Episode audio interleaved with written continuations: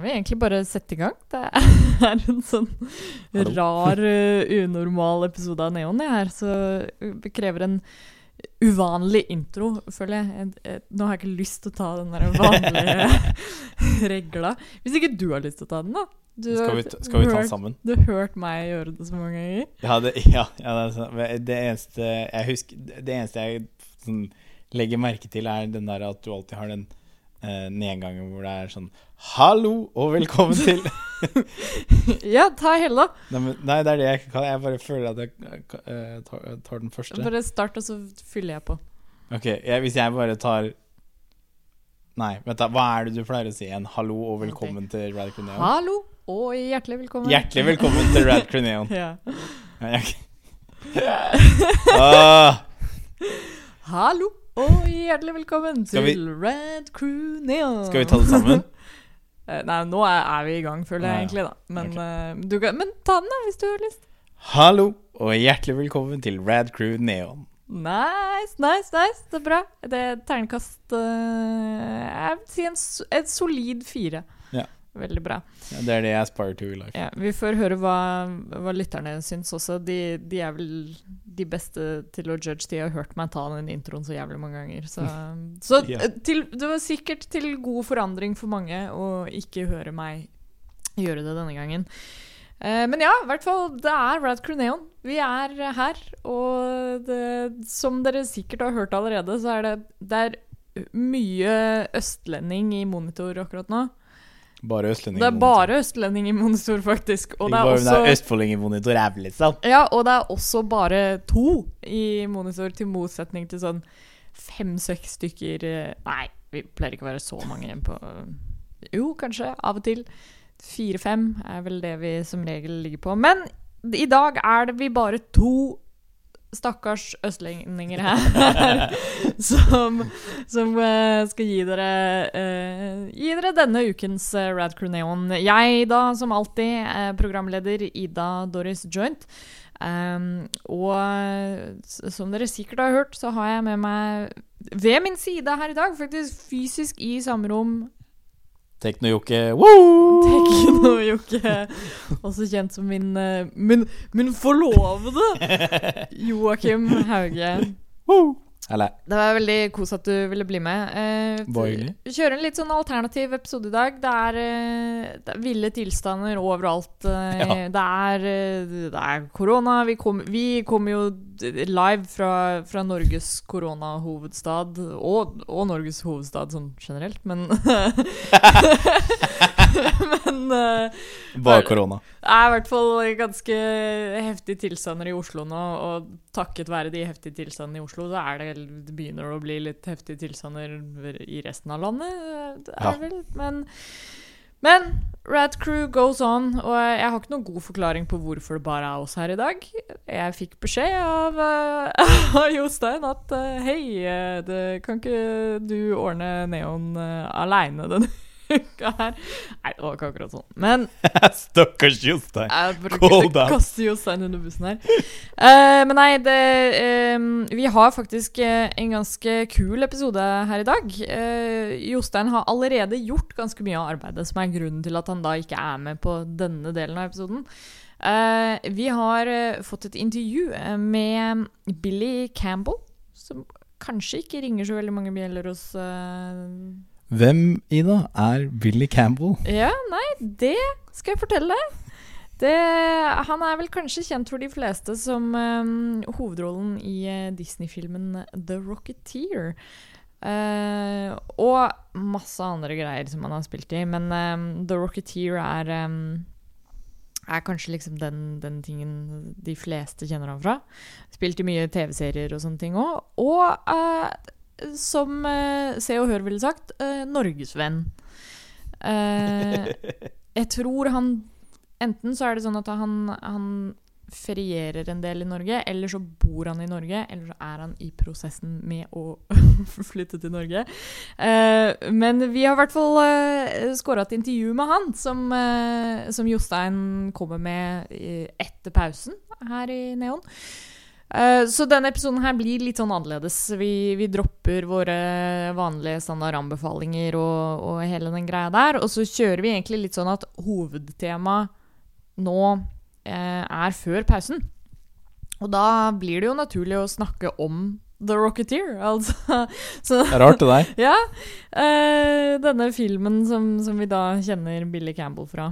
Um, og det er eh, Jeg er alltid så dårlig på å sette i gang sånne nye og komme inn i liksom neste spalte, eller eh, Og jeg, jeg beveget deg over i det nye segmentet, Ja, ja, hvor vi faktisk skal snakke om filmen. Ja, jeg er Ja. så dårlig på kan jeg, jeg, kan, jeg kan hjelpe deg med det. Ja. Du, Ida, vi så jo denne filmen for å ha dette innslaget. Ja. Men det er et par dager siden nå, og det har vært en hektisk uke, så jeg husker ikke helt eh, eh, sånn Jeg husker noen av de store linjene. Men Mm. kan ikke du starte å gå gjennom oppsummeringen av filmen din, da? La oss gjøre det. Veldig bra. Takk skal du ha, Joakim. uh, The Rocketeer er da altså en uh, uh, Jostein kaller det en Disney-klassiker. Um, men det tror jeg er litt farga av at eh, det er en, sånn, det er en klassiker i Josteins øyne, fordi han har et nært forhold til den. Når det er sagt, så vet jeg at det er ganske mange andre også uh, som, som har et sånn godt nostalgiforhold til denne filmen. Kom ut i 1991. Eh, og er eh, Der hvor Jostein sier at det er en Disney-klassiker, så vil jeg kanskje si at det er en litt sånn skjult perle. Fordi at eh, jeg, jeg hadde ikke jeg, hadde, jeg har hørt om filmen og har vært litt sånn OK, det er en film. og selvfølgelig har jeg hørt Jostein snakke mye om den nå. Eh, men jeg har faktisk aldri sett den før nå. Eh, når vi så den her for et par dager siden. Ja, samme her. Innså nå, noe som du sa Nå som du sa eh, årstallet, så er den jo eldre enn oss begge, faktisk. Ja, det er sant. Det Så vi begge oss to er yngre Ett år eldre enn deg og to år eldre enn meg.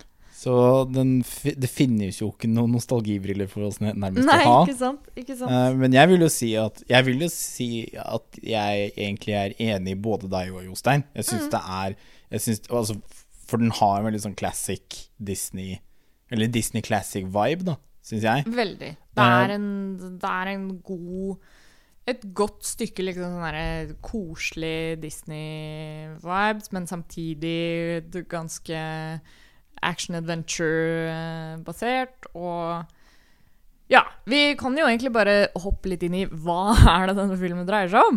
Ja. Eh, La oss ta et litt sånn kjapt uh, summary. Um, det er da altså eh, Den er satt på sånn 40-tallet. Det er andre verdenskrig, det er Sent, ja, sent sent- 30-tall. Sent 30-tallet, kanskje. da jeg tror, det, er, det er vel ikke krigen har ikke brøt ut sånn for fullt. Jeg vet ikke om de nevner hvilket årstall uh, den foregår i engang. Det det er i det, er i det, det, det sjiktet. Uh, og eh, det er eh, en ung pilot uh, ved navn uh, Cliff. Cliff Seacord. som, som kjører småfly og er en klassisk sånn herre Klassisk som action adventure-protagonist. Litt sånn her, Han er kul, han er cocky, men han er, samtidig er han også litt sånn down to earth.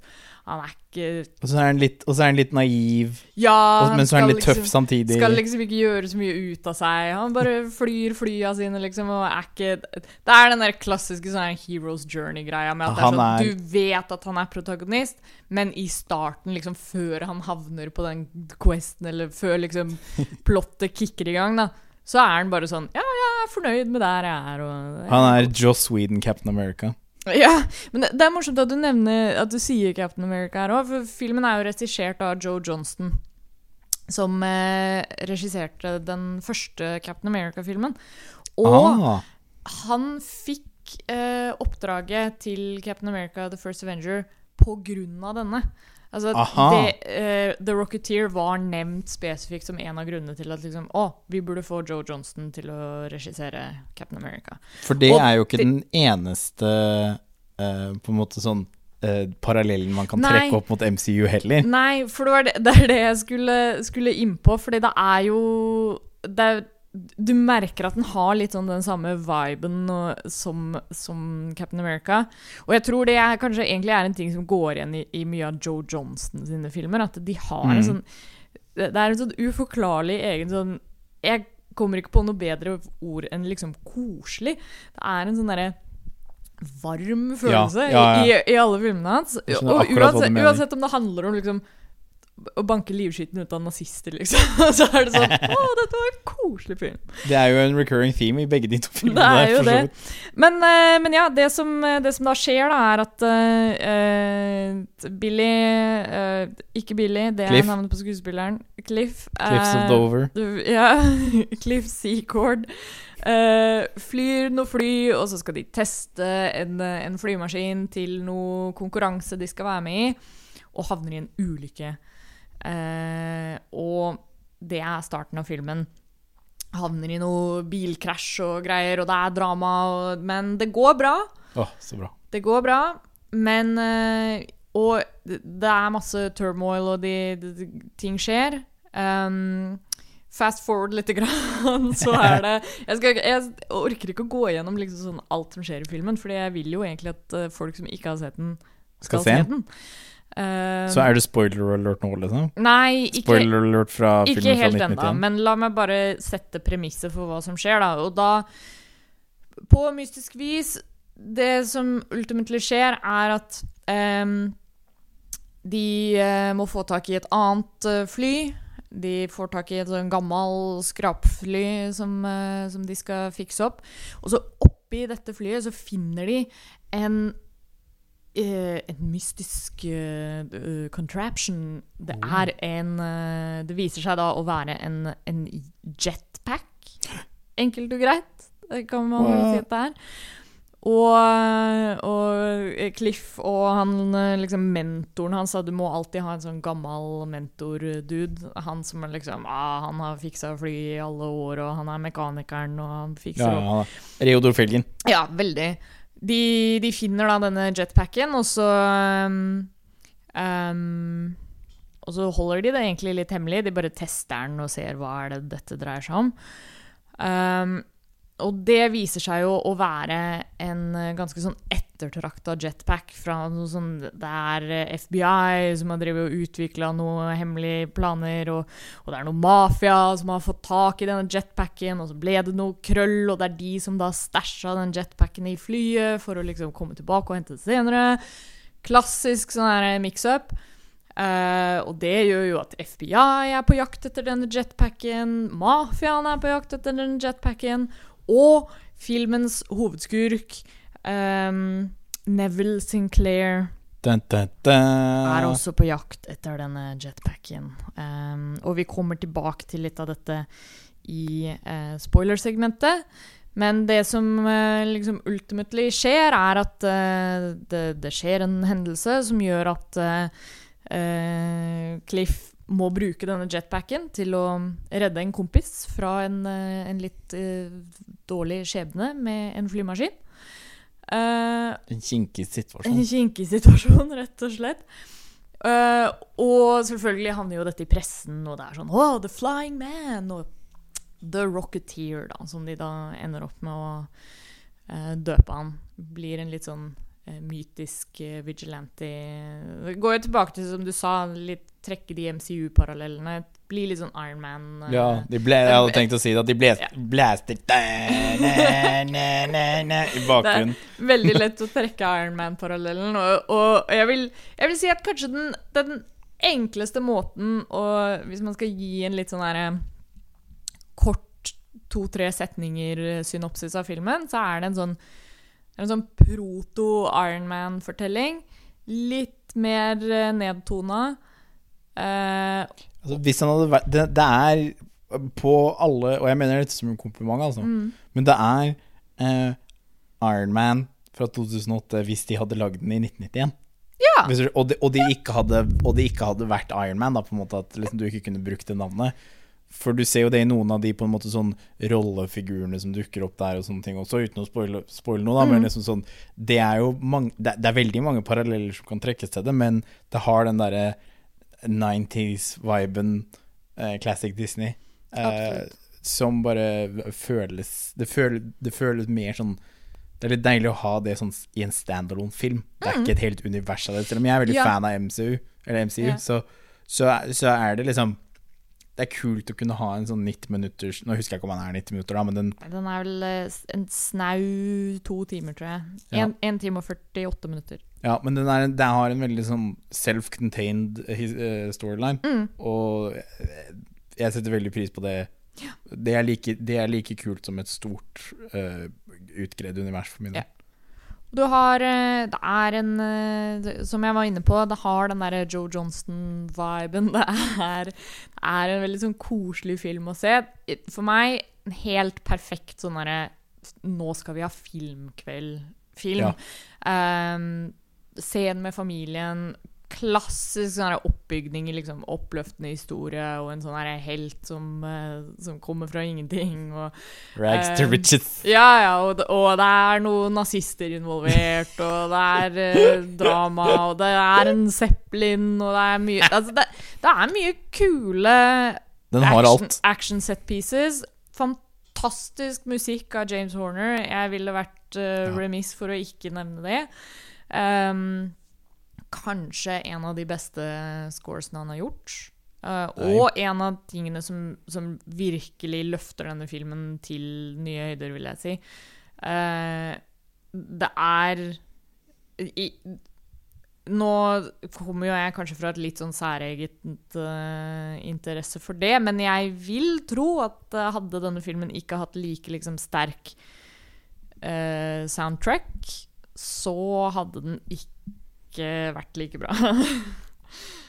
den, det spiller i hvert fall en veldig stor rolle på, på mye av stemningen i filmen. Ja, og, det er, det er jeg helt enig i. Ja. Men uh, en av de sånn Jeg vet ikke om uh, hvor vanskelig det er å snakke om det uten å spoile, men Men vi kan jo egentlig bare bevege oss videre i, i spoiler-delen. Hvis eh, uh, dere som ikke har sett The Rocketeer enda Den ligger på Disney Pluss, og jeg regner med at de fleste som er interessert, har skaffa seg Disney Pluss nå. Ja. Eh, ligger der. The Rocketeer. To, Ikke- to ikke les ingressen, for den er litt spoilete, den også. Ja, litt. Ja. Det er Faktisk, sant, så bare finn Rocketeer, og så bare ja. trykk på play. Jeg tror egentlig kanskje at jeg har spoila det allerede også ved å snakke om noen ting. Men det, sånn får det bare være. Eh, men det er i hvert fall ehm, eh, en veldig god film til å se den hvis du ikke har sett den. Eh, og eh, Å, søren, jeg hadde en ting jeg skulle si. Å nei. Altså, Jeg tenkte på det nå, men så glapp det. Å nei. Eh, Unnskyld. Nei, det går bra. Um, nei, den er koselig. Se. Jo, jeg skulle si at den er jo eh, basert på en, eh, en grafisk novelle. Eh, ja, så det er, det, igjen, den derre MCU-parallellen er veldig lett å trekke. Altså, her har du uh, litt den derre Ja, altså, proto-Iron Man er en veldig fin um, Fin uh, måte å, å forklare det på. Men, uh, men den har i hvert fall det veldig sånn er en, Den er jo basert på en sånn eh, Jeg kjenner ikke så godt til selve den eh, tegneserien, men du får veldig den derre sånn pulp eh, graphic Ja. novel-følelsen. Ikke bare i, i stemningen og, og settet og design og sånne ting, men, men historien også er veldig sånn Som du var inne på, veldig sånn self-contained, veldig klassisk sånn derre fin og nå skal jeg kose meg med en, eh, en hyggelig filmkveld-film. Den, den prøver ikke å fortelle Den prøver ikke å være full av masse sånne moralske lekser og sånn. Det, er liksom, Ja. det er som å lese et godt, gammeldags eventyr, da, ja, det er det faktisk.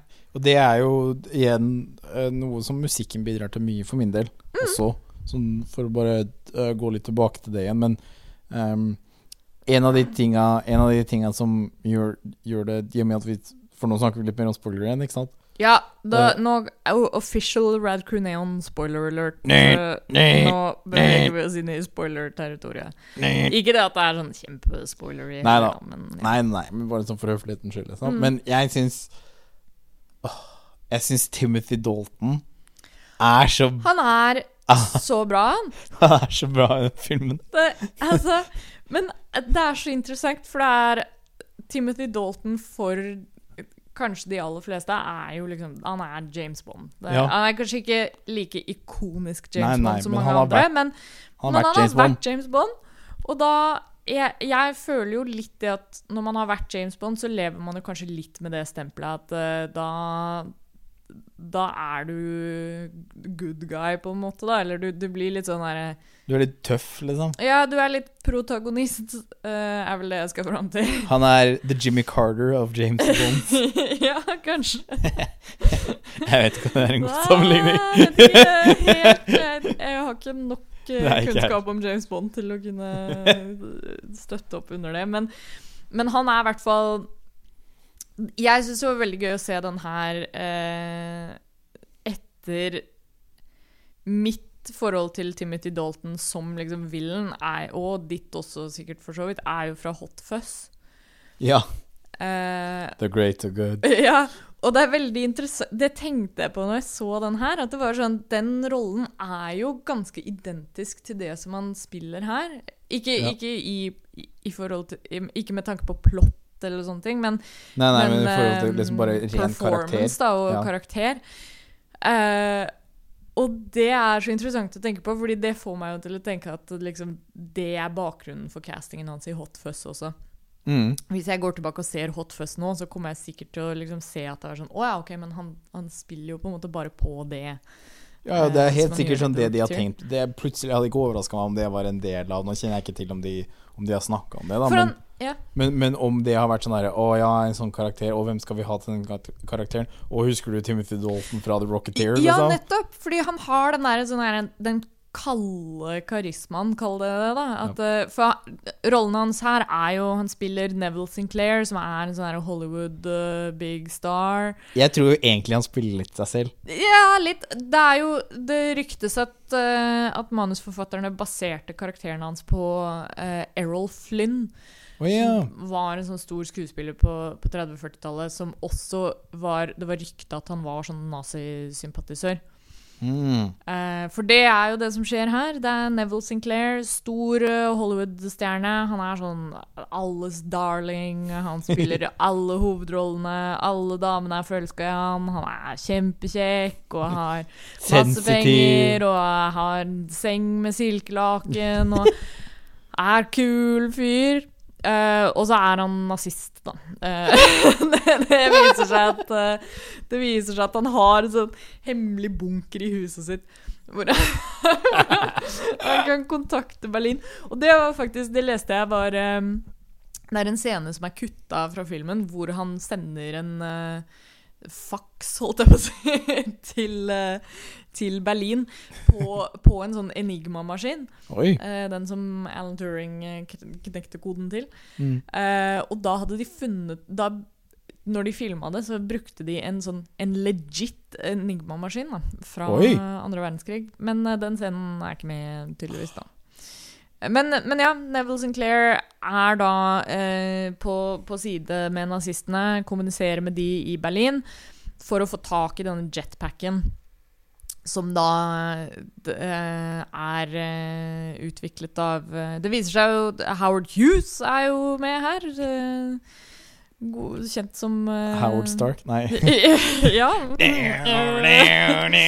Det må jo være derfor Howard Stark heter Howard, tenker jeg. Det, altså, det er jo ikke tilfeldig, det. Um, digresjon, men uh, Men ja, det er jo Howard Hughes som har designa denne jetpacken for FBI. Som et uh, bare sånn generelt eksperiment. Men, men nazistene er jo da obviously veldig interessert i det her. Fordi se for deg om du kan ha liksom Iron Man uh, Hva heter det, de derre um, Stormtroopers, holdt jeg på å si? Ja. De, det har sånne navn, altså Sturm, uh, bla, bla, bla. Luft Nei. Det er ikke Luftwaffe. Men, men ja, altså, da, da har du jo basically Luftwaffe. Iron Man i- Ja. Uh, og, og da er det sånn det, det er en veldig bra scene hvor de er eh, hos FBI. eh, for å for, for, Selvfølgelig, det blir sånn klassisk katt og mus-lek. ikke sant? Eh, Mafiaen er ute etter, eh, etter denne jetpacken. Eh, eh, FBI er ute etter jetpacken. Og, og mafiaen samarbeider jo med han eh, Neville Sinclair, da, Timothy Dalton. Uh, og, og mafiaen vet ikke at han er nazist, og det er, altså, det er, det er så mye intriger. Eh, Mye lag. Og, og eh, stakkars eh, Cliff, han vil bare Han vil bare på date med dama si, eh, som for øvrig er spilt av den utrolig flotte Jennifer Connelly. Ah, Eh, hun ser så bra ut i denne filmen her. ja, det er helt sjukt, faktisk. Det er jo den klassiske 40-talls eh, beauty. Litt sånn fint oppsatt hår og, og røde lepper og Det er litt sånn, er det litt sånn Audrey Horn-vibe? Veldig. Det er jo det. Jeg tenkte på det akkurat nå. det. Hun er jo eh, Kanskje jeg er idiot som ikke tenkte på det før nå. veldig sånn Betty Page-vibes også, men, men Ja. Som eh, i klassisk liksom eh, Ja. Hva skal man si love interest-stil. Hun er fortsatt litt sånn ydmyk, og hun gjør ikke så mye ut av seg sjæl. Hun, liksom, hun har lyst til å bli skuespillerinne, men hun er liksom Hun er fortsatt litt sånn timid og men, men samtidig en, en eh, dame som vet hva hun vil, på en måte. Ja, hun er jo ikke, hun er jo ikke redd for Eller det, er, det kommer jo egentlig an på hvordan du ser det, da, men, Mm. Men hun er jo ikke redd for å liksom si ifra til en, til han Cliff, når han, når han er Ja, idiot. for, det, for for det er det jo. Han, det er den klassiske greia. Han er litt sånn trøblete. De, har, de er litt sånn nyforelska, men han er Cal og Han er. Cal. Han er liksom ikke helt om bord på den eh, skuespillerdrømmen hennes, og er litt skuffa på det. Og, og det blir litt sånn der, de der klassiske sånn lovers quarrel-greiene. Ja, de sliter med sånn der Å, Ja. Som ikke kan prate om følelsene sine. Ja. Og så Og så baller det jo på seg, ikke sant. Det, det ender med at um, um, eh, oh, hva, Ja, hva, hva, skulle ender nå, det, egentlig? hva ender det egentlig med, Ida? ja, nei, det, det er jo Denne katt og mus-leken fortsetter jo. Jeg, det var jo her jeg egentlig begynte. Jeg skulle egentlig begynne å fortelle om den nazipropagandascenen. Filmen, ja. Det filmen, var det du jeg skulle. begynte med. Ah! Eh, For det er jo det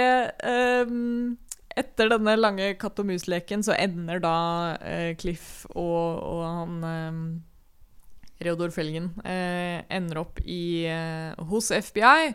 eh, fordi de da er mistenkt for å for å ha gjemt denne jetpacken et eller annet sted, som de da har gjort eh, etter en sånn massiv eh, shootout med mafiaen eh, på huset til han Huset til han stakkars Cliff og, og han Reodor Felgen blir for meg blown to pieces av Ja, sånne ja miniguns. sant det.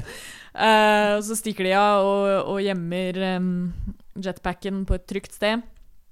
Uh, men de, ultimately så havner de hos FBI i, i avhør for å da være sånn Oi, dette er viktig at vi får denne jetpacken tilbake, og at den ikke havner i feil hender. For da Og så viser de da denne hemmelige nazipropagandafilmen som de har fått tak i, som da viser at nazistene planlegger å utvikle denne jetpacken, sånn at eh, hele den tyske hær kan bruke det, og sånn kan de invadere USA. Er det Wagner i den eh, propagandavideoen? Husker du det? Å, det husker jeg ikke. Jeg Fordi- tror det er en sånn egen Ja, er det egenkomponert? For jeg bare tenker sånn Ah, man, det er det Det hadde vært veldig Den veldig måtte jo gøy. hatt flight of the. Ja.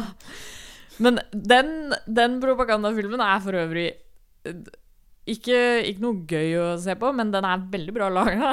Det er en sånn veldig stilig animasjon av den klassiske sånn derre Å, det er en, en sånn uh, amerikansk ørn, og så bli, blir den til den derre sånn tyske jernørnen istedenfor, og sånn derre flagget på Det hvite hus som brenner ned og blir erstatta med et naziflagg, og Veldig sånn skremmende.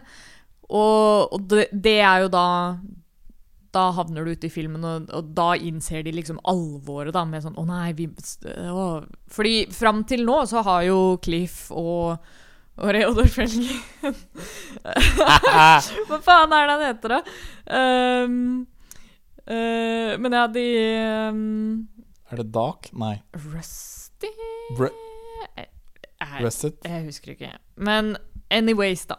Det, de Fram til da så har de bare hatt uh, De har ikke hatt noen intensjoner om liksom hva, hva skal vi med denne jetpacken? Det er jo bare sånn Det har vært en kul ting å ha, og, og eh, han Cliff er jo en, en young and daring pilot, så det er jo en artig ting å holde på med.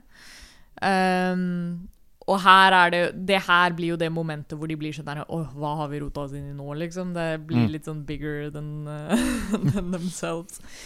Um, og, og de går med på at liksom Ja, selvfølgelig skal vi gi denne tilbake til FBI. Vi har jo ikke noe bruk for den. Men det som har skjedd før det her, da, er jo at uh, hun eh, Jenny, eh, godeste Jennifer Connolly, uh, har blitt kidnappa av mafiaen og Neville Sinclair som liksom blackmail for at uh, Cliff skal gi de uh, jetpacken Istedenfor FBI? Ja, istedenfor til FBI. Og, og da, vi vet jo at hvis, hvis Neville Sinclair får jetpacken, så får nazistene jetpacken, og det blir helt krise. Uh, og, og da må de jo så, så det de går med på, er De sier til FBI ok, greit, dere skal få den tilbake, men vi må bare få lov til å bruke den én gang til. Og, Og- da er det Reodor som er Reodor, vil Ja. jo egentlig gi tilbake den med en gang. Ja, Så det er jo litt sånn tension mellom de to også. Veldig. Men det er jo fordi I gotta save my girl, ikke sant? Det er eh, han, Gotta do her right. Ja, fordi da har de avtalt at de skal møtes ved klassisk, de skal møtes ved Griffith Observatory på natta, og the deal goes down og hele pakka. Og det er klimakset i filmen, da. Da, da er det Zeppelin og hele pakka, og nazister som gjemmer seg i skogen og det her. Og kanskje Kanskje favorittøyeblikket mitt i hele filmen her er jo at For han eh, Neville Sinclair har jo vært veldig flink til Selvfølgelig, han har ikke vært veldig åpen om at han er nazist. Det, det har ikke vært uh, hele poenget. Dette er en tid hvor det ikke var akseptabelt. Ja, så mafiaen som han har samarbeida med, er jo egentlig bare klassisk Han er en rik fyr, han betaler mafiaen for å, for å jobbe med en. Uh, og det syns mafiaen er gøy. Eh, men favorittøyeblikket mitt i hele filmen her er da når de, når de kommer for å ha denne handoffen. At uh, OK, Cliff skal få tilbake Jenny i, in, in return for, eh, for jetpacken. Uh, så Så avslører de da at han er nazist. Og da Da havner mafiaen på deres lag igjen, Fordi da er det sånn What the fuck, jeg, det kan hende at jeg er mafia, liksom, men jeg er ikke noe fuckings nazist. Ja, og det er han ene er noe mafiaduden er jo litt sånn der «I you fucking nazi! Ja, han sier noe sånt nå. Så sier det, I may be in the mob, but I'm not a fucking I- I ain't no nazi. Eller et eller annet sånt Med sånn, nesten litt sånn tjukk New York-aksent. Sånn, I don't nazi! Veldig morsomt. Turn liksom pistolen sin på han Neville istedenfor å Og da selvfølgelig får du en klassisk fin sånn action showdown. De nekter jo å gi fra seg 'damsel in distress'. Men er det ikke og- da alle naziene hopper ut av skogen? Jo. Når han snur pistolen, Ja. og så er han nemlig sånn Mjas! ja, bare sånn Aha! I had the Nazis here all along! så bare blir du rusha av og omringa av Ja. nazister i California. Det er veldig, veldig morsomt. Uh, og det er, det er mange øyeblikk som man kan snakke om her i, i filmen som er ganske gull, men jeg tror overall så har vi toucha på det at det, det er en veldig sånn kul filmopplevelse. Jeg føler, at, jeg føler at det er far and few between Nei, hva heter det? Few and far between. Den, Far and few between. ja, few and far veien. between den type filmer. At det er sånn um, d- Det som jeg kaller for litt sånn thrill ride-filmer. da, At du Mm.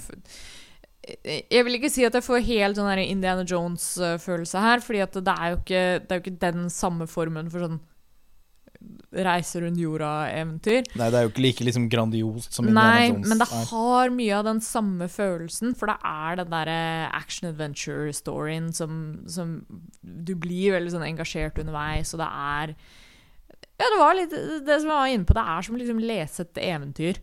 Um, og, og jeg syns uh, Ja, jeg syns det er en veldig bra film. Ja. Hva syns du da, Joakim? Dette var første gang du så den nå. Har du din lille review? Nei, Jeg er egentlig veldig enig i alt det du har sagt. Uh, og som egentlig eh, i starten min Og det jeg tror som min største takeaway med det, bare er hvor, hvor, hvor fan jeg er av Timothy Dalton i, i, i den rollen. Altså sånn Ja.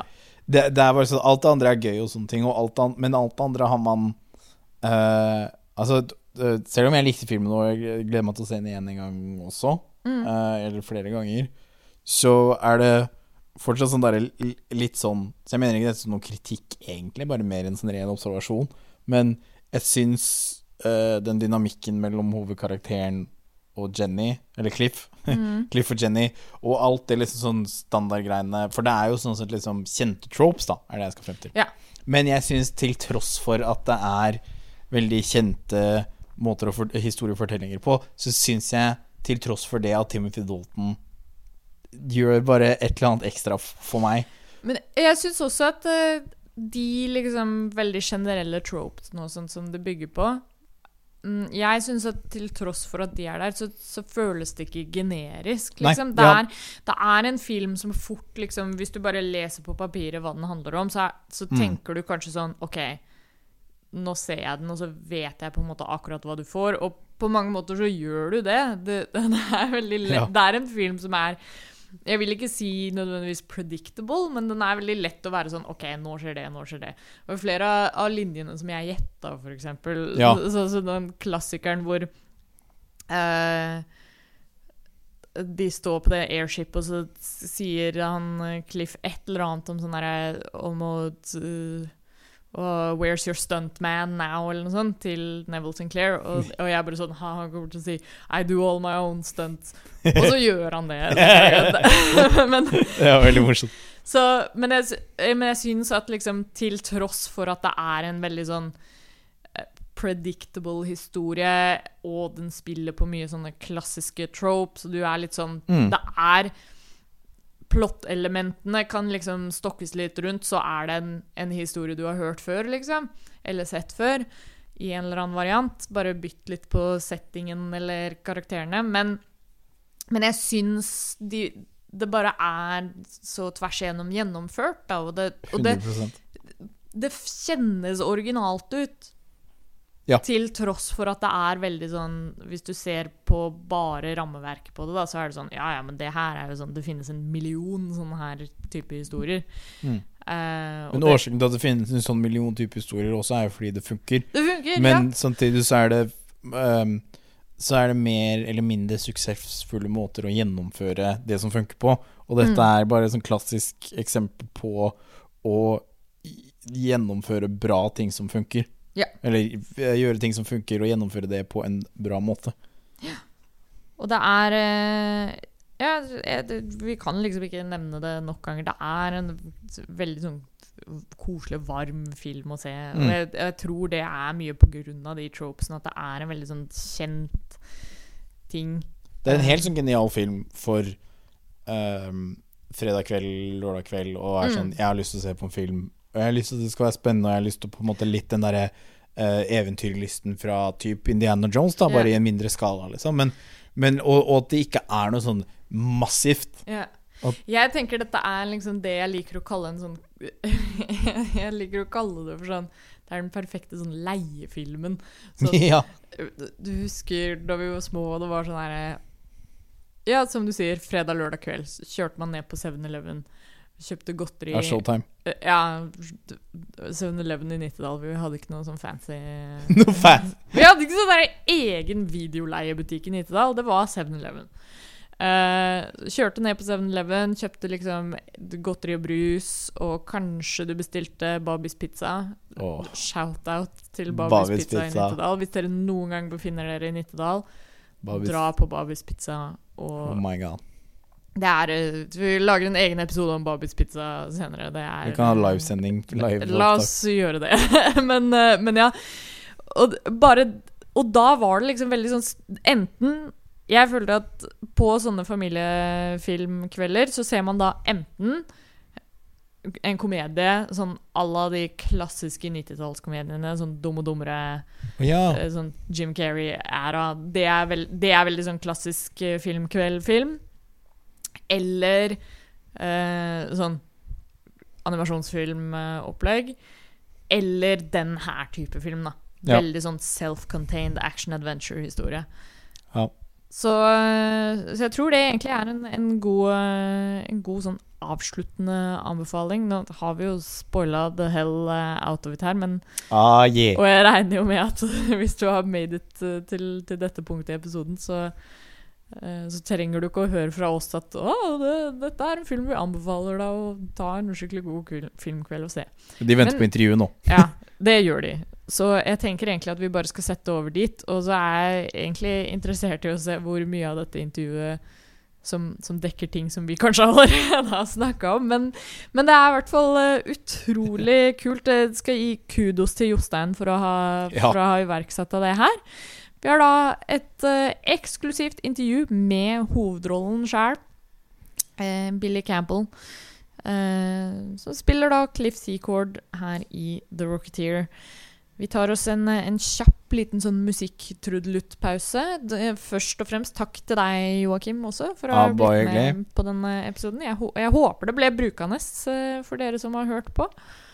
Eh, Ja, det tror jeg. Det, det Jeg har kan, god kan bli litt sånn mye skravl når man bare sitter to stykker i samme rom. Og Ja, men det er the power jeg of håper editing. også at vaskemaskinen i bakgrunnen ikke har vært for forstyrrende. Jeg regner med at mikrofon mikrofonene kanskje ikke har klart å plukke opp det, men eh, Ja, vi får høre. Jeg tror I så fall så er det bare min. Ja. Eh, så da får du bare Så vi får beklage det for alle som har hørt på. Men, eh, men, eh, men ja, dere får kose dere med intervjuet med, med Billy Campbell og Jostein.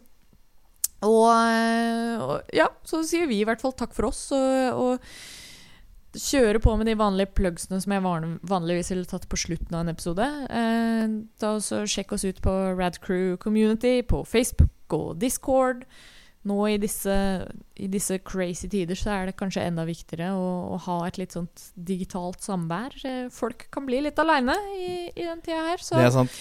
så ikke nøl med å ta kontakt med oss der. Det er um, God stemning er eh, what we're all about.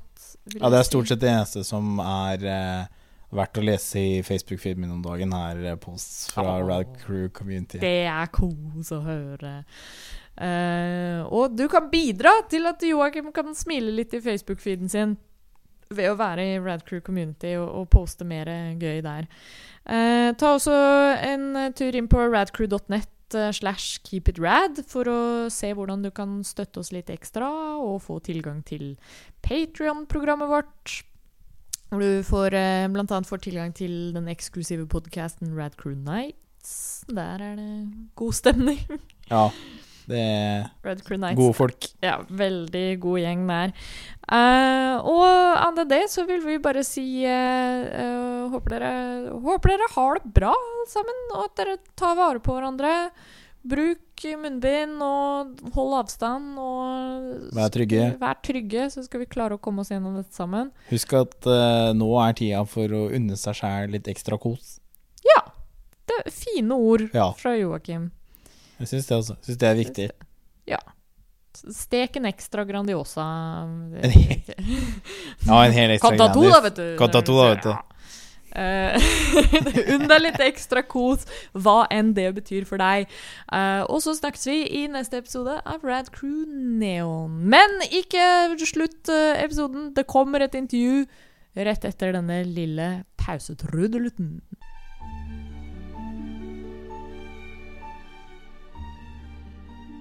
Okay, we're uh, lucky to be joined here by uh, Billy Campbell, or uh, as he prefers to be called, uh, Ollie, uh, from uh, the uh, Disney. Uh, I, I would call it a classic, uh, The Rocketeer, uh, the 1991 movie. Welcome to the show. Well, thanks. Thanks for having me. Yeah, so we uh, I started thinking about the Rocketeer again because, of course, it's available on Disney Plus and it's uh, looking um and sounding better than ever. And uh, and uh, you came across my uh, Twitter feed because you were I think you were talking to NRK Hmm. uh, and. And I thought, uh, hey, why not try and get you on the show? Uh, it's a long shot, but uh, but you said yes, so that's awesome. And here you are. Yeah, yeah. Well, it's my pleasure. I'm, I'm, uh, I spend a lot of time in, in Norway, as you, uh, as you know, and and uh, so I'm happy to, uh, I'm uh, happy to speak to Norwegians. Fantastic. So when um, how did you get involved with uh, the Rocketeer project? Uh, just to, pretty much through the standard uh, the standard way. My agent called with a with an audition, and um, I uh, I went to read for the part. The f- sort of funny, interesting thing was that at the time I was working at the at the Renaissance Fair, the uh, Southern California Renaissance Fair, which is huge, um, and a lot of fun. Used to be a lot of fun. Yeah. Uh, so I had long hair and a beard. I was doing Shakespeare and uh, just drinking a lot of Guinness, and and uh, I didn't. Eat, I was. I just didn't have my head in it, and uh, so I went on the audition. And I'm sure that uh, I'm sure that the producers and the casting director were wondering why I was even in the room. it's like, why did this this person come in here?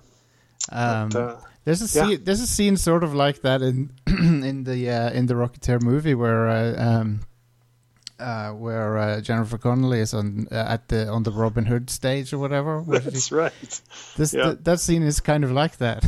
Yeah, it is a little bit. um, I was uh, I was definitely out of place, and um, but I had between uh, after the time when I first went in, uh, they kept looking for I, I think it was a few months anyway for their for their Rocketeer, and they couldn't really find him, and they saw.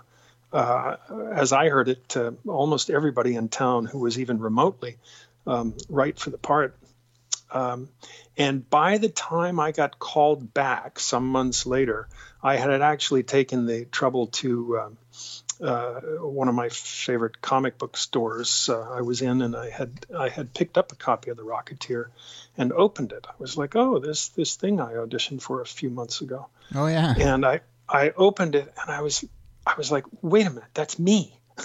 that guy looks like me." Yeah. and um, and so I got I suddenly got excited, and of course the Renaissance Fair was over by then. I went and got a haircut and a shave, and um, I went back for a screen test and and got the job. Awesome.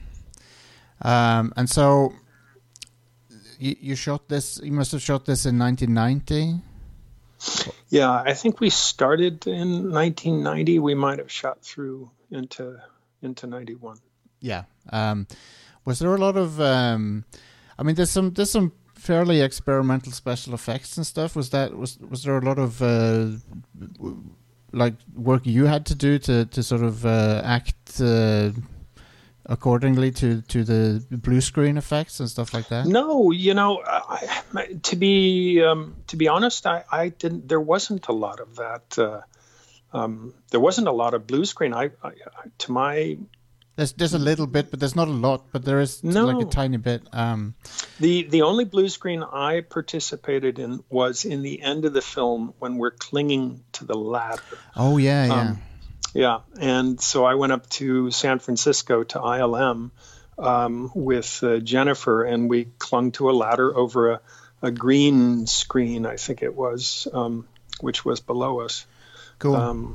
And uh, that's the only one of those kind of shots I did in the whole movie. Yeah. So when you uh, when you played this character, was there anything in particular you drew inspiration from? I, I mean, it's it's very much a 1930s type of ser- like serial adventure Hmm. movie. Wa- Was there anything like that that you had looked at when you? You know, I, I did a I did a um, I did a lot of reading about the the, the early days of aviation and uh, uh, early Hollywood, and uh, you know, for me, I, I don't know how much research. I don't know how important it ends up being, but Nah. but for me, it's it's just uh, it's an excuse to read about something Oh, I don't know about. You know, I love to read. It's maybe my favorite pastime, and Yeah. and uh, so I did a lot of reading about the early days of aviation, as I said, and and uh, sort of early Hollywood, and um, uh, I guess I, I probably I don't remember really. I think I probably watched a few films just to try to get the, you know, kind of the patter that they have. Yeah. The, um, the, Oh. the, the way they had with the dialogue. Yeah, there's uh, there's some fantastic uh, uh, like uh, old school acting in that movie by Yeah. by you and but but also by uh, by everyone involved really. Um, Yeah. really really enjoy Timothy Dalton as well in it. He's uh, Ugh, I think it's one of Timothy's uh, better. Uh, not that I've seen even nearly everything he's done, but I, I have to believe that's one of his yeah. his best performances. He just hit it out of the, Like, what do you as we say, hit it out of the ballpark. what do you think of the? Um, well, I've always had a a, a theory that, um, and I think a lot of pe- other people have too, that uh, the uh, his character uh, must have been based on. Um, the uh, sort of rumors that uh, Errol Flynn had Nazi sympathies. Um, they were very definitely based on those rumors. yeah, Yes, yeah, Yeah. So I that, know that uh, for a fact. So that's very clever. I think it's very cool. Uh, Oh, the whole movie is, uh, it's just the whole movie is chock full of, uh, of sort of uh, veiled uh, references and not so veiled references to, Yeah. uh, to uh, early Hollywood. Um, and when we watched it recently, we really uh, we really noticed all the uh, Art Deco stuff as well, all the wonderful Hmm. designs and uh, architecture and stuff like that. It's really Really beautiful production design. We had a, one of the best uh, production designers in the business, Jim Bissell, yeah, and, uh, uh, who is just uh, was fantastic. I'm, I'm not sure he's still alive. Actually, I'm not, I'm not sure. and uh, unfortunately, someone else who, who is not alive now is um, um, James Horner, who did the score to the film, and that's uh, like he wrote some fantastic music for it too. That's right. That's right. James Horner and and uh, Dave Stevens is no longer Yeah. no longer with us. Yeah. That's a shame, but um, but uh, when so um, this is a kind of maybe like kind of a cliche question, but uh, what, how is it uh, how is it working with uh, uh, Jennifer Connelly on the on the picture? Did you uh, did you have a good time? Oh, I don't know that that's a cliched question. Uh, um, we had a wonderful time. We we um, we actually uh, became. Uh, uh, we, we got together as a couple, uh, and uh, we're together for Oh, really? something like five, five years after that. We uh, we I adored her. I still adore her. Yeah, um, and uh, we had a lovely, lovely time making the film. As you can imagine, it was my first film. We were Mhm. falling in love, and yeah. uh, Well, you know, I mean, it was just a, it was just a, a little bit of a kind of a fantasy yeah, a yeah, I can understand But um, um, and it and it, it was wonderful. And so working with her was an she she is an incredible uh, uh, actor. Yeah. And uh, I think she was from really from the very beginning, very instinctual and very uh, uh, connected to yeah. her work. She And, she um, she's fantastic. My uh, my wife's Oh, a, yeah. my wife's a big fan of uh, Labyrinth. Um, which, yes, uh, yeah. it's a very good very I good first movie. saw her. I first saw her in uh, a film called Once Upon a Time in America. Uh, Oh, yeah. which was uh, who's the famous uh, Sergio Leone. Yeah, Leone. yeah, Um, and I, I think she was quite young. She was playing Elizabeth McGovern as a young girl. yeah. Um, but I mean, she was stunning enough even then that I, I, I, I just never forgot her face. yeah. and then some years later, uh, there I was. I had got the part of the Rocketeer, and we were doing a final day of screen tests with women, and these three women were coming in, and she was one of them, and I was like, I was just gobsmacked. Of course, she was, she was 19 by that time, I think, Yeah. or 20, and uh, and I just, just. Yeah. Yeah, well, she, she she really uh, well she really suits the, the this film as well because she it's got that uh, old school movie star look as yeah, well. So yeah, um, she really does. um, yeah. which uh, I- I think uh, the the movie is very consistent with the casting in terms of like people who look like uh, old school Hollywood uh, people. I think That's right. um, so that's cool. Um, Yeah. so It- the um the, the action uh, parts of the film, the flying stuff. How did you, you guys? Do you remember how you did the like how that worked in practice? Oh yeah, I will never forget it um, because uh, because I actually have a I had anyway at the time a a, a fear of flying, um, which I inherited from my dearly departed mother. yeah. Uh, and um, but even so, the director came to me before we uh, started shooting. He said, uh, "Listen, I, I have this notion, and you feel free to say no, uh, depending on how you feel about this." But he said, all the flying stuff in the beginning of the the movie, you know, when I go up in the in the GB, and we have uh, we get shot, uh, the engine a bullet goes through the engine, and then we crash land. He said, "I I kind of really want to do that." Um, and I was, I got nervous in my stomach, and I said, uh, but I kept, uh, I kept calm, and I said, uh, "What do you mean by really want to do that?" and he said, "Well, I, I want to put you up in a plane and, and shoot in the air." And I was like, uh, "Sure, I would do that." um, and so we did, and uh, it was as exciting as, as you might imagine. yeah, yeah. Um, we had uh, we had a three cockpit uh, biplane that the back half of was painted um, the same colors as the GB, and they put a they put a canopy over the rear cockpit. They had a camera pointing backward in the middle cockpit. This is an open cockpit biplane. And then the pilot, who is one of the Craig Hosking, who is one of the better stunt pilots in the world, uh, was sitting in the front cockpit and uh, we were supposed to be in communication through a one-way that was sewn into my leather helmet.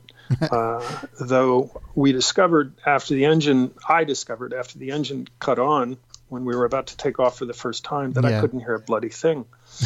um, and I had a few of the controls uh, um, because the plane is typically flown from the rear cockpit there are a few controls that are not reproduced in the other cockpits, like the uh, tail wheel lock and the choke, and uh, a couple of other things. So I had to remember when to use those. And uh, wow. man, it was it was hairy. I can't believe that. I'm not. I, I. I don't exactly have a fear of flying in big planes, but I don't know if I Mm. would like flying one of those uh, 1930s. Uh...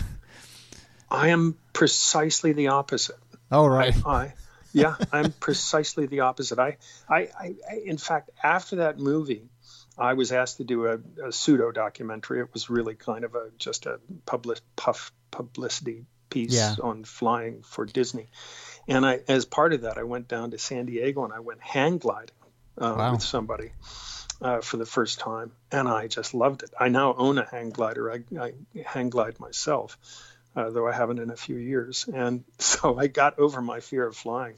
Uh, but I would far rather walk off the side of a mountain with a hang glider on my back um, than I would sit on a commercial airline and fly anywhere.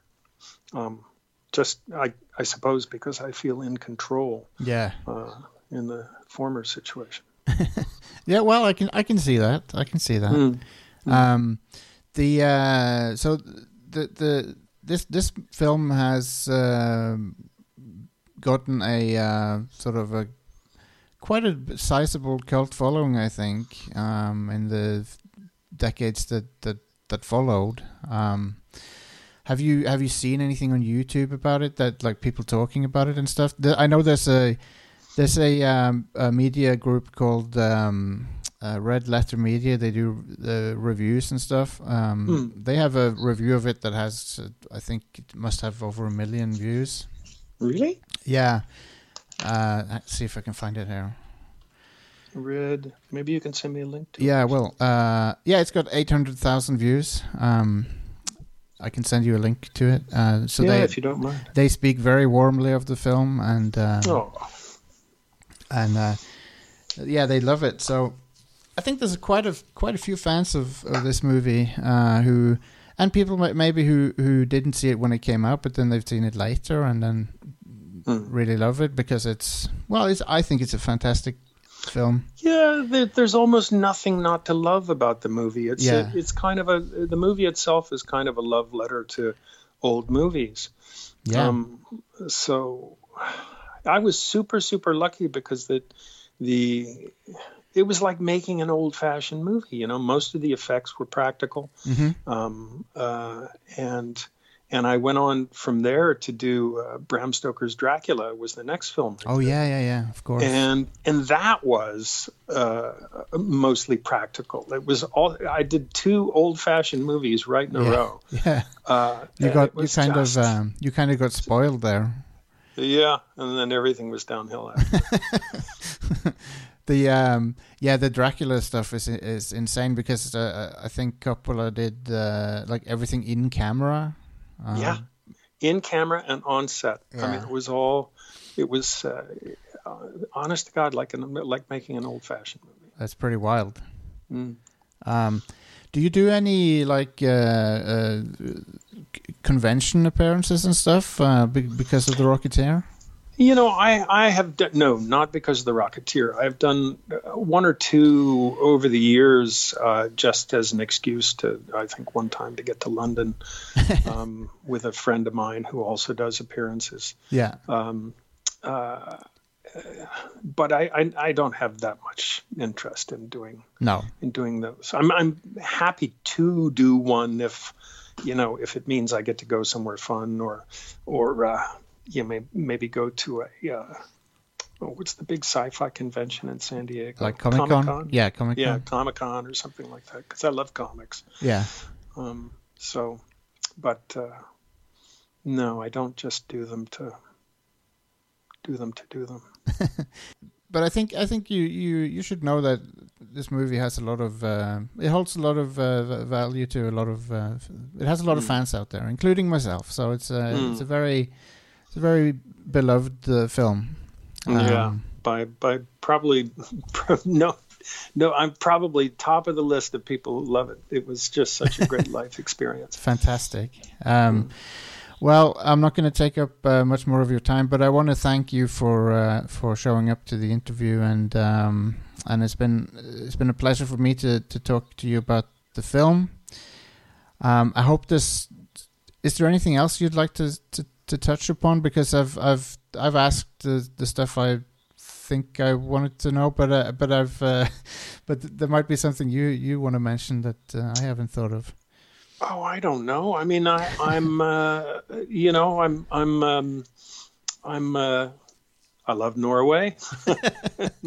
I have a norwegian wife and children and uh, i'm trying to get my uh, my papers to be here permanently. Yeah. i think uh, when i do get my permanent papers uh, i'm gonna i'm gonna relinquish my U.S. citizenship Yeah. for a whole host of reasons. Yeah, there there might be some there might be some reasons to do that. Yeah, there's a few reasons for that. um, I'm uh, I'm hoping to work here in Norway, which I have done a little bit of, and, and Cool. it looks like I may get to do more.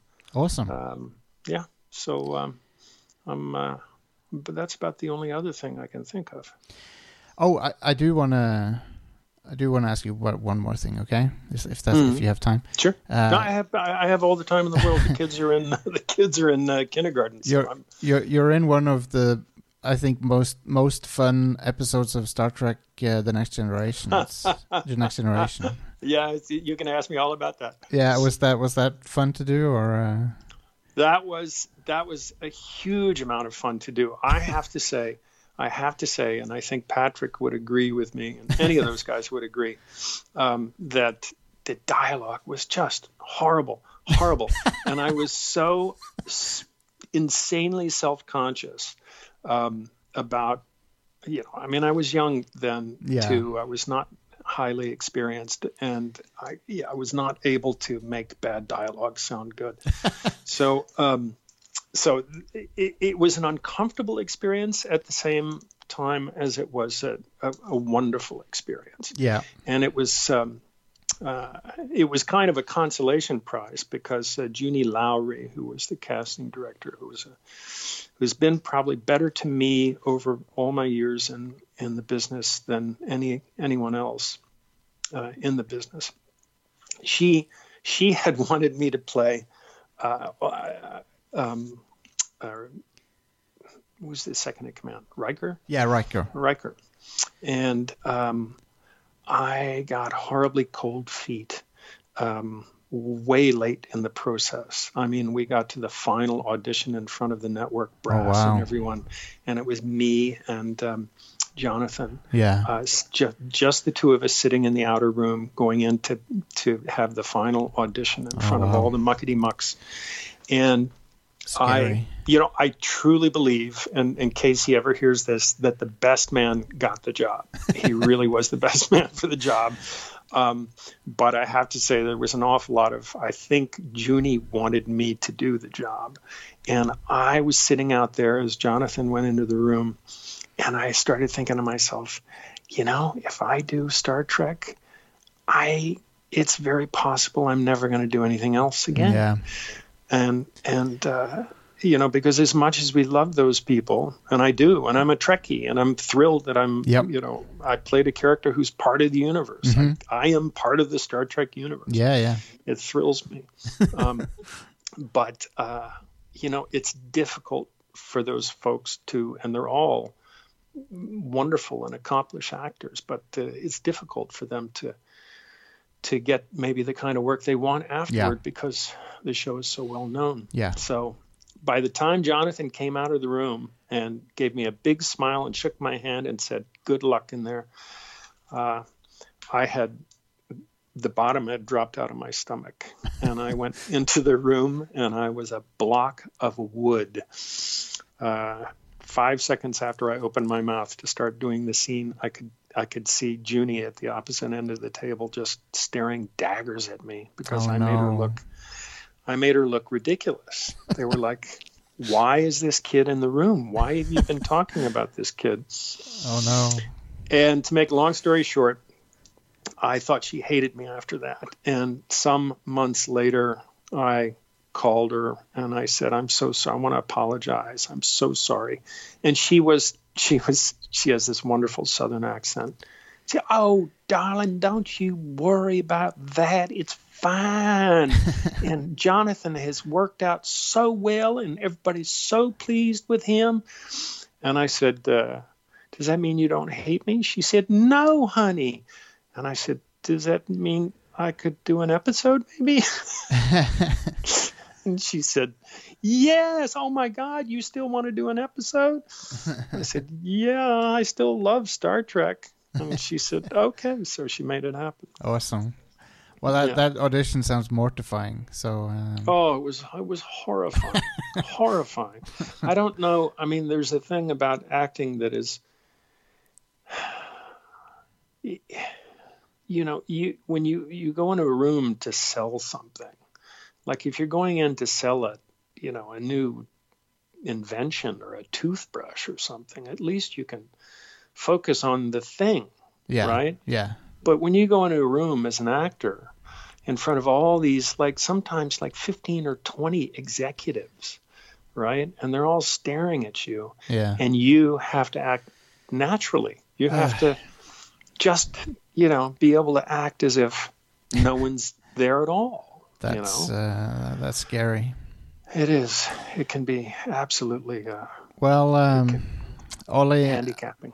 Yeah. I want to thank you again. Jostein, my pleasure. And, and uh, anytime you want to talk about games or anything, uh, Hey, uh, call me up for I- the other one. If if you're serious about that, I will I will take you up on that.